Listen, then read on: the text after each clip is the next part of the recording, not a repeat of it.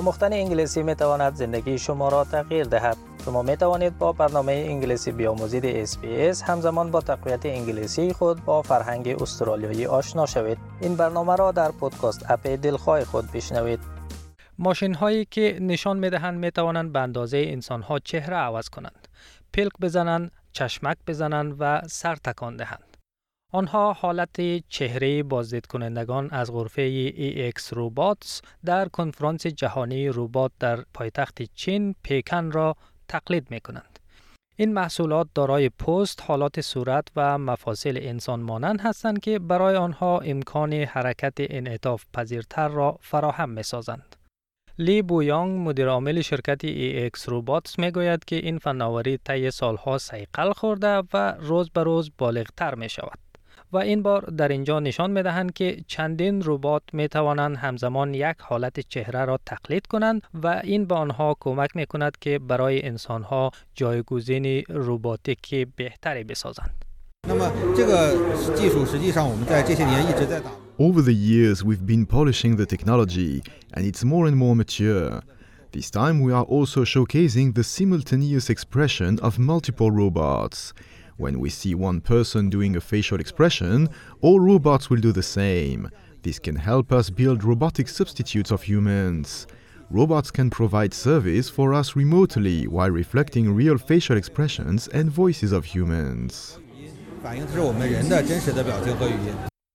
به گفته لی این ربات ها کاربرد های مختلفی دارند و در حال حاضر در موزیم های علمی، جاذبه های گردشگری، مراکز خدمات دولتی، لابی هتل ها و سناریوهای آموزشی و به عنوان همراه انسان ها از آنها کار گرفته می شود. These robots are robotic products that are suitable for communication with people as well as public service. Therefore, currently the robots are used in science museums, tourist attractions, public administration service centers, hotel lobbies, education scenarios and companion scenarios.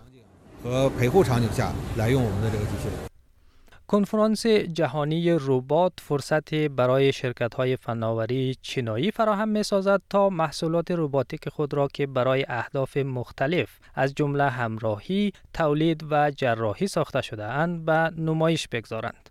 آنها همچنین ربات هایی را با الهام از بهترین دوست انسان یعنی سگ ها ساختند.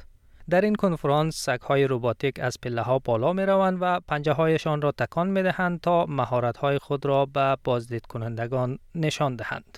یونیتری روباتیکس یک شرکت فناوری مستقر در هانگجو روبات های چهارپای را به نمایش گذاشته است که به عنوان همراه و در گشت های صنعتی و نجات از آتش سوزی از آنها استفاده می شود. ربات همراه ساخت این شرکت که گوتو نام دارد می تواند با انسانها تعامل و به اطاعت از دستورهای آنها راه برود یا برقصد.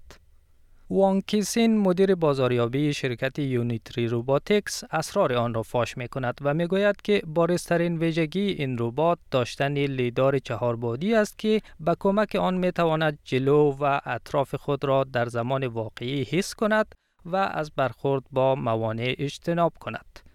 این ربات همچنین مجهز به هوش مصنوعی است و با استفاده از آن توانایی محاوره‌ای بالایی دارد.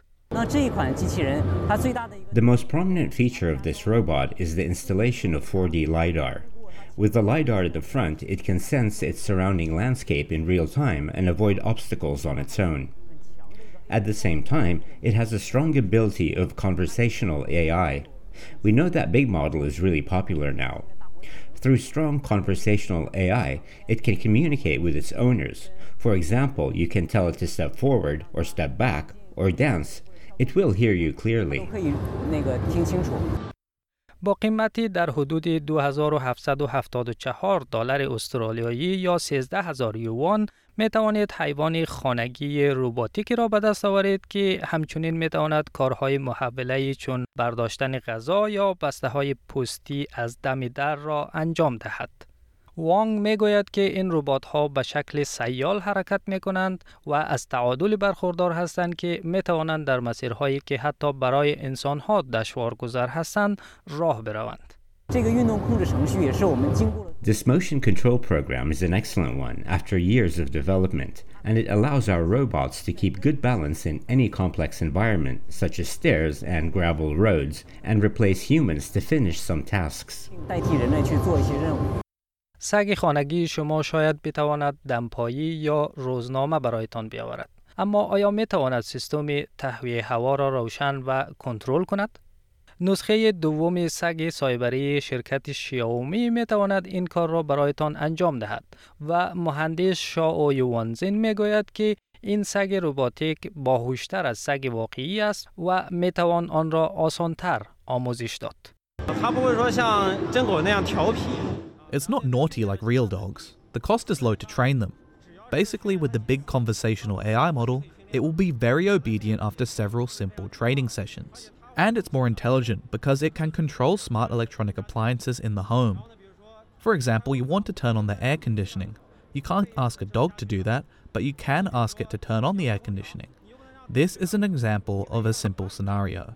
It's smarter, more obedient, and merges better with smart devices around us. همچنین در این نمایشگاه طیف وسیعی از های جراح از جمله ربات جراح داوینچی که در جراحی های قفسه سینه و شکم از آن استفاده می شود به نمایش گذاشته شدند. لی ها یوان در بخش بازاریابی شرکت روباتیک انچویتی فوسون یا فوسون ادراکی کار می کند. او می گوید که روبات های جراح دقیق تر عمل می کنند و آسیب کمتری به بیماران وارد می کنند.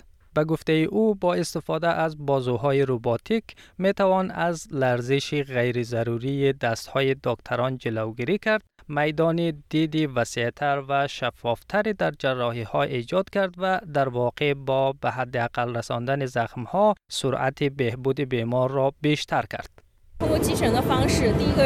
Robots are better at fine tuning, minimally invasive and more accurate, and they cause less damage to patients. Through some operations of the robotic arms, we can avoid the unnecessary shaking of doctors' hands, bring a wider and clearer field of vision for surgeries, which can actually reduce wounds to patients and allow for faster recovery.